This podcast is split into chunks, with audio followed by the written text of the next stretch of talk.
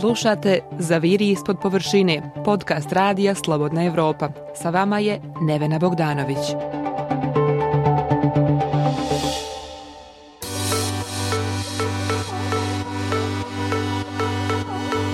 Kad sam primila obe doze vakcine, pomislila sam možda i prvi put da je kraj pandemije stvarno blizu. Ok, svi kažu da je za opuštanje još rano, mere su i dalje na snazi i poštujem ih, ali ne gubim nadu da ćemo uskoro svirati kraj pandemije.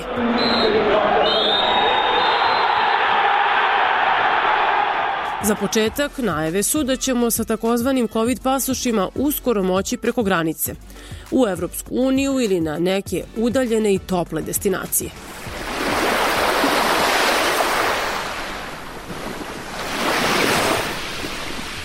A do tad idem na jedino mesto ne samo u Srbiji, nego u čitavom univerzumu gde jedino sigurno znam da sam uvek dobrodošla. Ja sam Nevena Bogdanović i u ovoj epizodi podcasta ZIP zaviri ispod površine zavirit ćete u moj dom. Kako tri generacije žena u mojoj porodici podnose pandemiju? I šta kaže struka? Jesmo li ostale normalne u ovom korona periodu?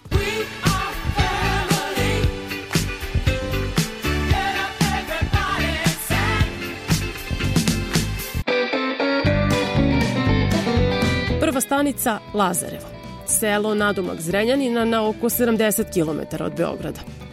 Ovde su detinjstvo proveli i mama i tata. Danas ovde živi moja baka Ljuba, mamina mama. Ima 86 godina. Redovno se čujemo, ali se nismo videle mesecima. Poslednji put prošlog leta, pre nego što je korona ponovo uzela maha. Sad, kad smo obe primile i prvu vakcinu i revakcinu, pa kad sam izračunala koliko je nedelja prošlo da se razviju antitela i, nadam se, ispoštovala sve te savete, pomislila sam da je bezbedno da je vidim, makar na kratko. Rešila sam da iznenadim i uspela da snimim nenajavljenu posetu. Baba, primaš li goste? Ćao, baba! Oj, slušo, otkud si? Pa došla da te vidim, ja sam ti rekla da ćete pa. vidjeti kad se vakcinišeš. Pa ja sam ti rekla da ću doći. A rekla si, ali nisam se nadala da ćeš danas. Pa ne bi onda baba bilo iznenađenje. da, oj, e, to. Dok smo ispijale kafu, baka je pristala na mali eksperiment. Dogovor je sledeći. Pričat ćemo o njenom doživljaju pandemije, a posle ću ista pitanja postaviti mami i sestri. Moja baka tvrdi da je preživela i gora vremena od pandemije korone. Pamti stradanja iz drugog svetskog rata i teško detinjstvo u Hercegovini. I dugo bih nabrajala šta je sve stoički podnela moja baka Ljuba i zbog čega bih volela da sam nasledila barem malo njene hrabrosti. Inače, baka više od 20 godina ima veštački kuk i teže se kreće. Ni pre korone nije mogla dugo da šeta ili da sama odlazi do Zrenjanina. Ali to nju nije sprečavalo da nas okuplja u svom domu. Ima dve čerke, tri unuke i jednu praunuku. I uvek je još neko navraćao. Babine drugarice, rodbina ili komšiluk. Sada, najveći deo dana provodi sama u kući, pa joj društvo pravi televizor. Ni pre korone nije propuštala prenose skupštine, a i ovog puta su nam poslanici sa TV-a pravili društvo. Baba, da ti njih ovako po ceo dan gledaš? Ako ima nešto drugo, nekad prebacim, a kad su oni, gledam čitav dan. Po ceo dan skupštinu? Da, samo kad prekinu, onda izgasi da, mi se oladi televizor. A sad kad si se vakcinisala, ali izlaziš napolje? Ne izlazim iz dvorišta, nisam izlazila nijedan put. Otkad? Joj, otkad, samo sa jednom bila, kako je to naišla ta korona. Čitavu zimu nisam izlazila, Čitavu zimu nisi izlazila. čitavu zimu. A sad kad si se vakcinisala, je li ti lakše? Pa lakše me slobodila sam se, nisam, ne mislim da li se vakcinisati ili neću. A sad možemo i mi da ti dolazimo. Pa možete.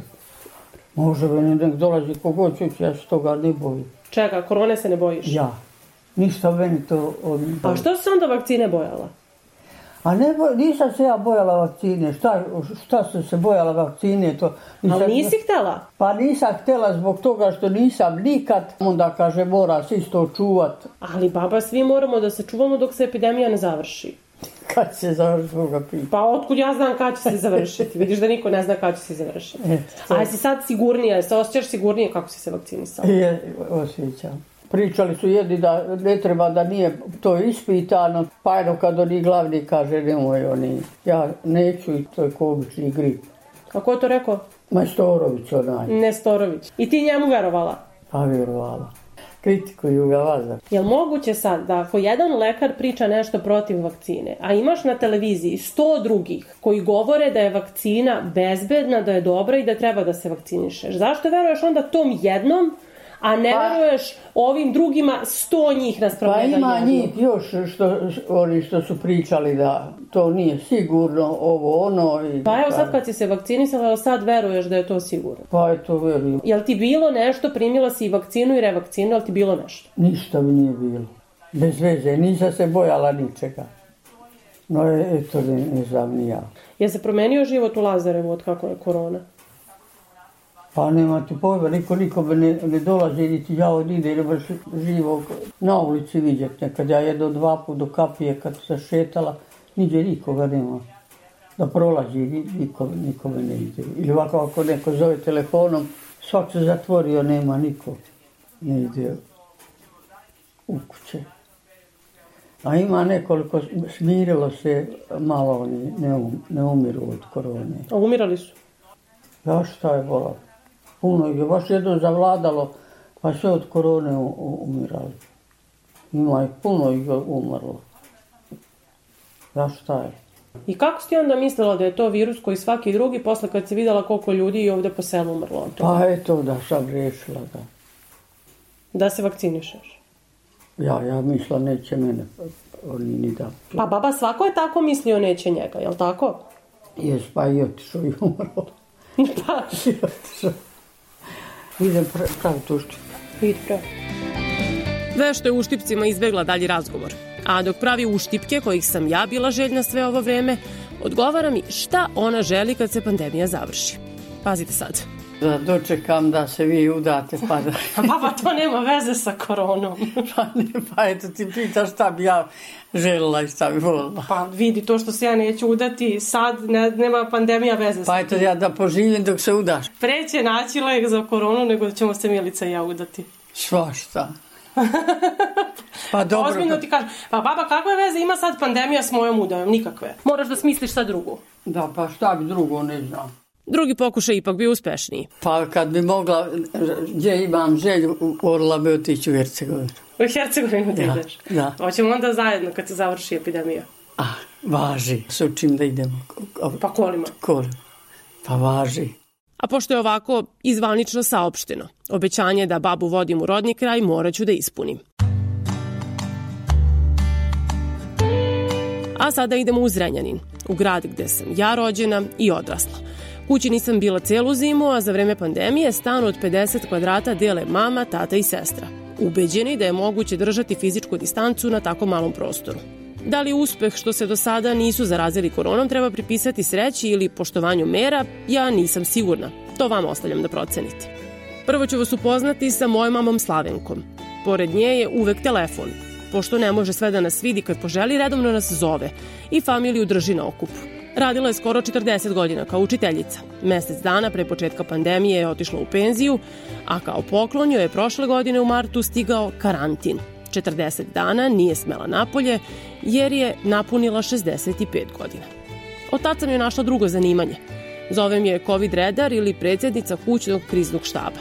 Zna tačno da vam kaže koje su mere na snazi u Srbiji i svakog dana prati korona brojke. Pa pratim. Iako ti ja kažem da prestaneš. Pa ne znam, uvek sam ja bila informisana.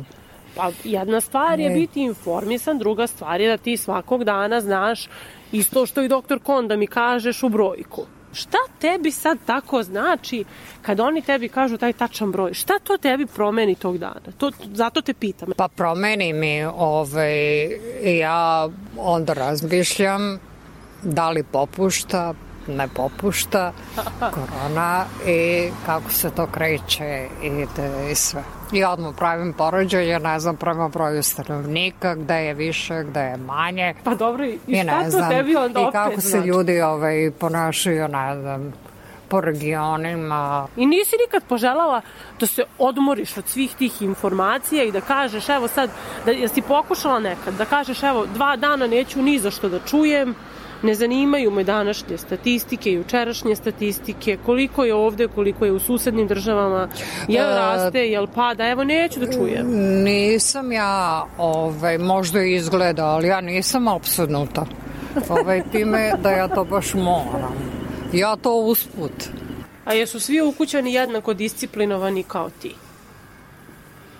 Moji, Pa tvoji. Ja sad ne mogu da kažem da li sam ti ja ukućanka, ovde sam za vikend jednom u tri meseca. Aha. Ovi ostali ukućani. pa jesu, Jesu?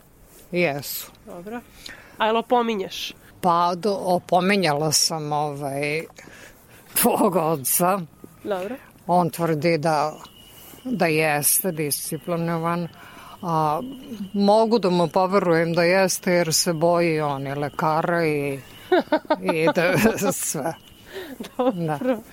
Mene nisi nešto opominjala preko telefona. Do duše voliš da pitaš gde si bila, šta si radila, to ti radiš uvek, to nema veze pandemija. Pa d, nisam te opomenjala zato što ovaj, znam da ćeš ti da vodiš računa. Pro, Da. Ali kažem- I da se čuvaš i da se paziš i, i sve. Recimo, ono kad si radila one ove proteste i, Dobro. i ono, i tad mi je bilo, ovaj, pošto je bila jako velika gužva i sve, da, puno, bojala sam se da ne, ne zakačiš neku koronu i da je pa nisi mi to rekla tad. Pa nisam htela da paničim Aha, i dobro. tebi da nabijam ja neku dozu straha. A onda je pitam čega se ona plaši, šta je tišti. I tu se glas menja. Meni je najteže palo ono zatvaranje kad nisam mogla iz stana, nisam mogla da se krećem, to mi je jako smetalo. Podnela sam to bez nekih trauma i očekivala sam da će to biti e, kraj početka. Jesi verovala da tad kada smo otključani da je to kraj pandemije?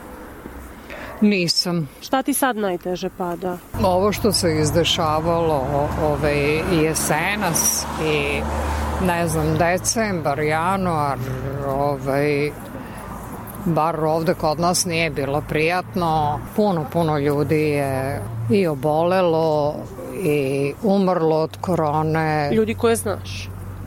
Ljudi koje sam ja poznavala. I nisi mogla otići na sahranu. I nisam mogla otići na sahranu i to mi je ovaj, negde bilo jako ovaj, teško da eto, da se ljudi ne mogu dostojanstveno ispratiti i sve to mi je teško padalo i, i nije bilo prijatno da osjećanje ovaj, kad znaš za nekog da je tragično završio i, i sve i to za vrlo, vrlo kratko vreme. Sad mi recimo, evo, što pada, što ja sam očekivala da će i ta vakcinacija da ide brže i da će se više ljudi prijavljivati. Evo, ti ne možeš još da primiš vakcinu. Ja ne mogu da, ove, da primim iz određenih zdravstvenih razloga Dobro, Eto. rekli su da treba da sačekaš. da čekam tri meseca, pa... To znači, tad kad su ti rekli, tri meseca računamo da je jun, jel tako? Da, to je negde oko 20. juna. A u ti znaš i tačno dan. Pa Brojala si. tu tako. Dobro. otprilike oko 20. juna. I ima jako puno ljudi koji ovaj, neće da se vakcinišu. Dobro. I, Šta ti je, baš, I to mi ovaj, smeta. šta, to što bi ti htela da je primiš, a ne možeš još, a neko ko može... A Ne, neko ne, ko može, neće. A nije svestan da može da ovaj, naudi i sebi i drugim. U ovoj našoj dugoj šetnji vreme je i da se raspoložimo. Da Iver ne pada daleko od klade pokazuje mamina želja. Mali spojler, baba i mama se nisu dogovarale. A šta ti je najveća želja kad se završi pandemija? Šta da uradiš? Pa lepo da ja malo, malo prošetam onako kako meni odgovara. To ti najveća želja, da prošetaš. Pa baš si skromna. Pa čekaj, pa nisam završila do kraja. Aha, dobro, ajde. Pa da.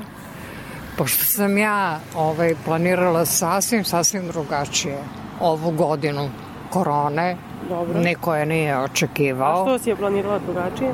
Pa meni se poklopilo i ovaj odlazak u penziju i korona. Aha. Odmah je korona, pa su me zatvorili, pa nisam mogla da kontaktiram ja normalno sa ljudima, pa se to nastavilo, a ja sam, ovaj, eto, bila planirala da ja da ću da odem u Sarajevo sama, svoju dušu malo ja da proputujem, Dobro, gde još da ideš? da odem do Nevesinja, Dobro. Ima. Ali pazi ti sad sve to i sad možeš. Nisu granice zatvorene. Nisu zatvorene granice, ali ja zdravstvenih razloga, zato što se bojim korone tamo i ja sam uvek ispoštovala i te odluke da ne treba putovati. I sad nećeš ići dok, dokle god oni ne kažu da je kraj pandemije, Jest. ti nećeš u Hercegovinu. Neću. Neću. Jao Bože, šta je s vama? Ti i baba u Nevesinje, pa u Nevesinje. Pa, Znaš koliko ih ima da kažu u, u Pariz bi da idu u Beč. Ti sanjaš Hercegovinu. pa dobro, ovaj, da ja da imam želju i... Ne bi se ti bunila ni u Pariz. Ne bi se bunila ni u Pariz. A sada ćete čuti i moju sestru Milicu. Za razliku od mame, koja se ne bi bunila da pije kafu sa pogledom na Eiffelov toranj, Milici je lepo kod kuće. Selo moje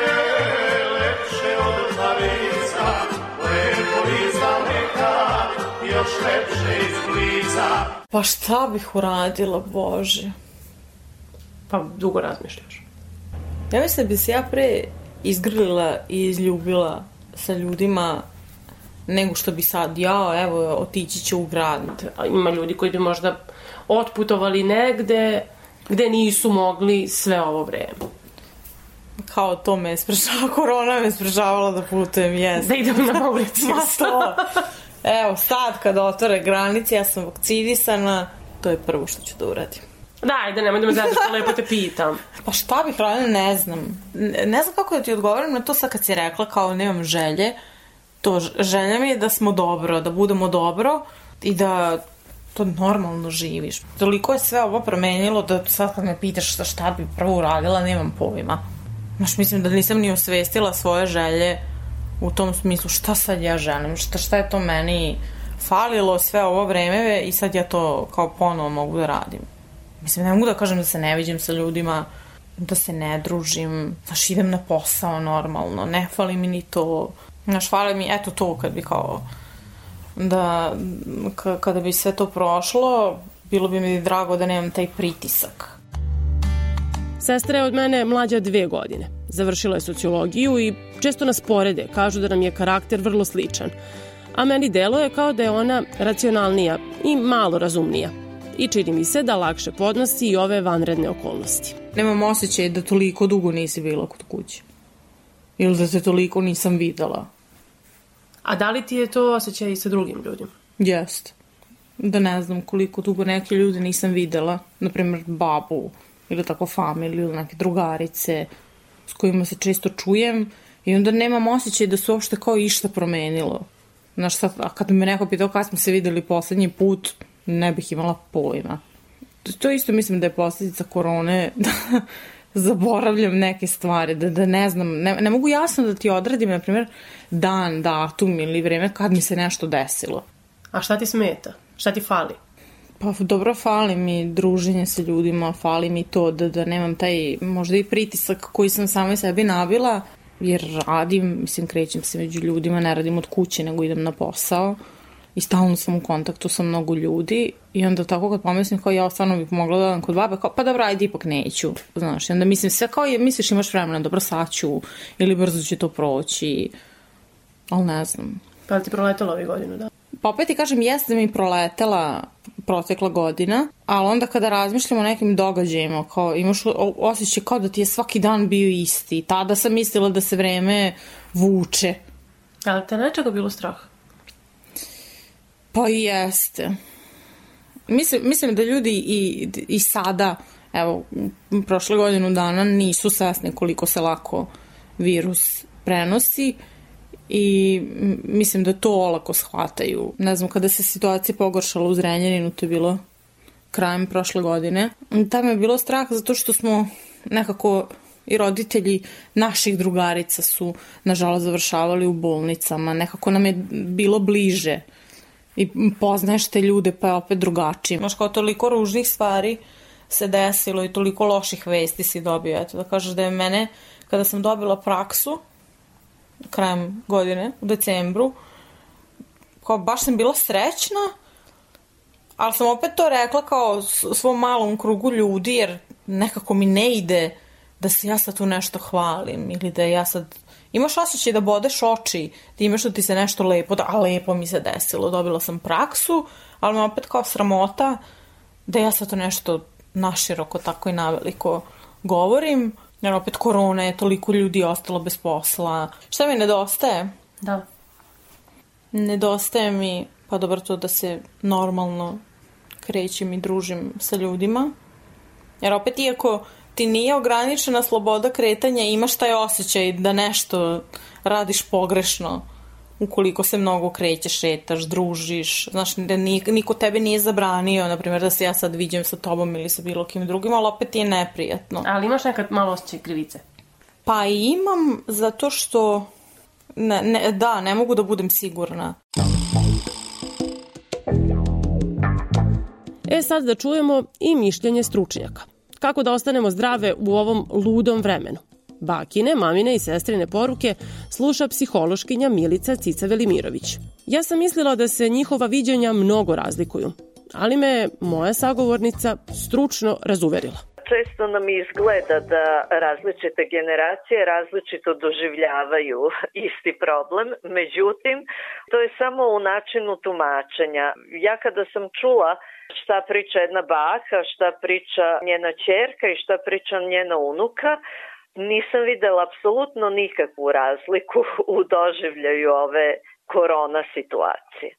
Naime, sve tri e, su pokazale upravo ono što je bazična čovekova potreba da im nedostaje, a bazična čovekova potreba je potreba za povezanošću. Znači, u našoj prirodi urođeno nam je u svim kulturama, čim se čovek, bez obzira da li živiš u Srbiji ili živiš u Tanzaniji, imaš ba, potrebu za bliskim odnosom sa drugim ljudima i osjećaj pripadnosti tim ljudima.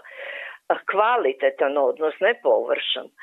Dakle, ako toga nema, nastaju problemi. E sada, mi samo različito se borimo sa tim problemima. Ja sam, na primjer, kod najstarije sagovornice videla jedan mehanizam odbrane, a to je negacija. Prvo, mehanizmi odbrane kada smo frustrirani, oni nam se automatski javljaju, urođeni su i mi ih nismo svesni. Baka kaže, verujem Nesoroviću, verovala sam Nesoroviću, nema ovaj, opasnosti prevelike i tako dalje. To je mehanizam negacije kada mi prosto ne možemo da se suočimo sa nečim što nas strašno plaši i frustrira i onda nam je naravno mnogo udobnije da negiramo. Upravo sada dok sam slušala izjave, pomislila sam koliko je potreban psiholog u kriznom štabu, odnosno bar neko ko zna ljudsku psihologiju da malo pojasni neke stvari ljudima. Znači, ako jedan autoritet, e, a to je lekar koji ima diplomu, kaže nešto, e, pozitivno, odnosno umanji, minimizira ovaj problem, mi strašno imamo potrebu da mu verujemo, jer želimo da nam bude dobro i da nema problema. I to je naravno velika opasnost. Druga opasnost je e, što, odnosno drugi mehanizam odbrane na tu samoću i na zatvaranje koje dugo traje je prosto potiskivanje.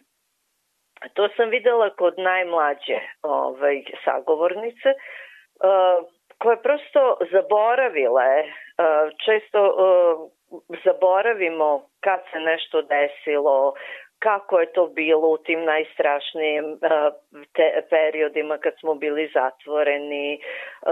Odnosno, mi jednostavno potisnemo nešto da ne bismo pukli. I onda zaboravimo i onda minimiziramo problem. Ali najmlađa sagovornica iskazuje upravo ovu potrebu za povezanošću rečima ja bih se prvo izgrlila i izljubila sa ljudima. Dakle, posle ove zaista ove situacije imamo drugu epidemiju na vidiku, a to je epidemija grljenja i ljubljenja sigurno. Korona jeste opasna za naš organizam, ali je ova situacija opasnije za našu psihu. Objašnjava i otkud mami potreba da više od godinu dana prati korona bilans. No, u toj situaciji strašno želi istinu od autoriteta. Tako da je to traganje za informacijom jako prirodna stvar. Prosto ja hoću da čujem, to znači ja hoću da čujem na čemu sam, šta da radim dalje. To je isto jedna urođena ljudska potreba, da onda kada to čuje odluči samo u svojoj akciji. To je apsolutno suprotno od onoga u čemu se mi sada nalazimo. I, to, i zbog toga smo pod jako velikim stresom. Apsolutno svi. Osvrnula se i na sestrin osjećaj krivice. Kako da reagujemo kada nam se desi nešto lepo, iako smo okruženi lošim vestima? Potreba da bude kompetentna u interakciji sa svojom okolinom, znači bude uspešna na poslu, ako si đak u školi, ako si sportista da postižeš, to je uspehe, to je urođena naša potreba. I u ovom trenutku kad je ona zaista doživela nešto za šta je prosto urođeno da oseti radost, ona osjeća krivicu ovaj, što se raduje, jer ima empatiju sa drugim ljudima, je tako da, ali ja sad imam pravo da se radujem u trenutku kad svih pate. E, i zato treba objasniti ljudima da, imaš pravo zato što ti je to urođeno. Kao što imaš pravo da jedeš kad si gladna. Mada oko tebe sigurno postoji ljudi koji umiru od gladi, nemaju kupe ručak. Ali ti ako imaš hranu, nemoj da se osjećaš loše što kada si gladna jedeš, a neko nema hranu. Ili to, osjećam se loše što imam potrebu da zagrlim i poljubim baku, a to ne, rekli su mi da ne smem i tako dalje. Dakle, zbog nečega što nam je urođeno, mi sada osjećamo krivicu. I za kraj, još jedan stručni savet ili poruka? Uspećemo sigurno, zato što prosto imamo potrebu da opstanemo zbog onih koje volimo i zbog sebe i uvek je sve prolazilo, proći će i ovo, to je naravno, ali e, nažalost sigurno da će e, posledice ostati. U svakom slučaju ćemo imati neka vrlo, vrlo neprijatna sećanja i e, sigurna sam ipak da ćemo vreme deliti na vreme pre i posle korona. Priroda je čoveku jako lepu stvar napravila, to je da u toj situaciji, kad je u stresnoj situaciji ili traumatičnoj situaciji, to ne, ne doživljava ni stresno ni traumatično, akumulira svu svoju energiju i na bilo kakav način pokušava da opstane ili da na neki način pobedi sve te muke koje su ga pritisle. Ako vas čudi što nije bilo muškaraca u ovom podcastu, to nije slučajno, nije greška, već moja odluka. Jer različite istraživanja su pokazala da je na žene pao veći teret tokom pandemije. Brojke čak pokazuju da su se njihove obaveze utrostručile. Izračunajte samo šta sve moraju da obave u toku jednog dana. 24 sata često bude malo za sve Zoom sastanke, roditeljske sastanke, Viber grupe, spremljene obroke i oprane sudove, pa to sa tri pomnožite. Pa idemo dalje. Urađene online domaće zadatke, ispeglanu odeću, usisane tepihe, okupanu baštu, nahranjenu živinu, sređeno dvorište, ispoštovane epidemiološke mere, potpisane ugovore, kupovine, pijace i slobodno sami nastavite niz. Dok nestrpljivo čekamo da pandemija svira kraj, ostajte zdravo i slušamo se ponovo na slobodnaevropa.org. Možda vam se sledeći put javim sa neke plaže.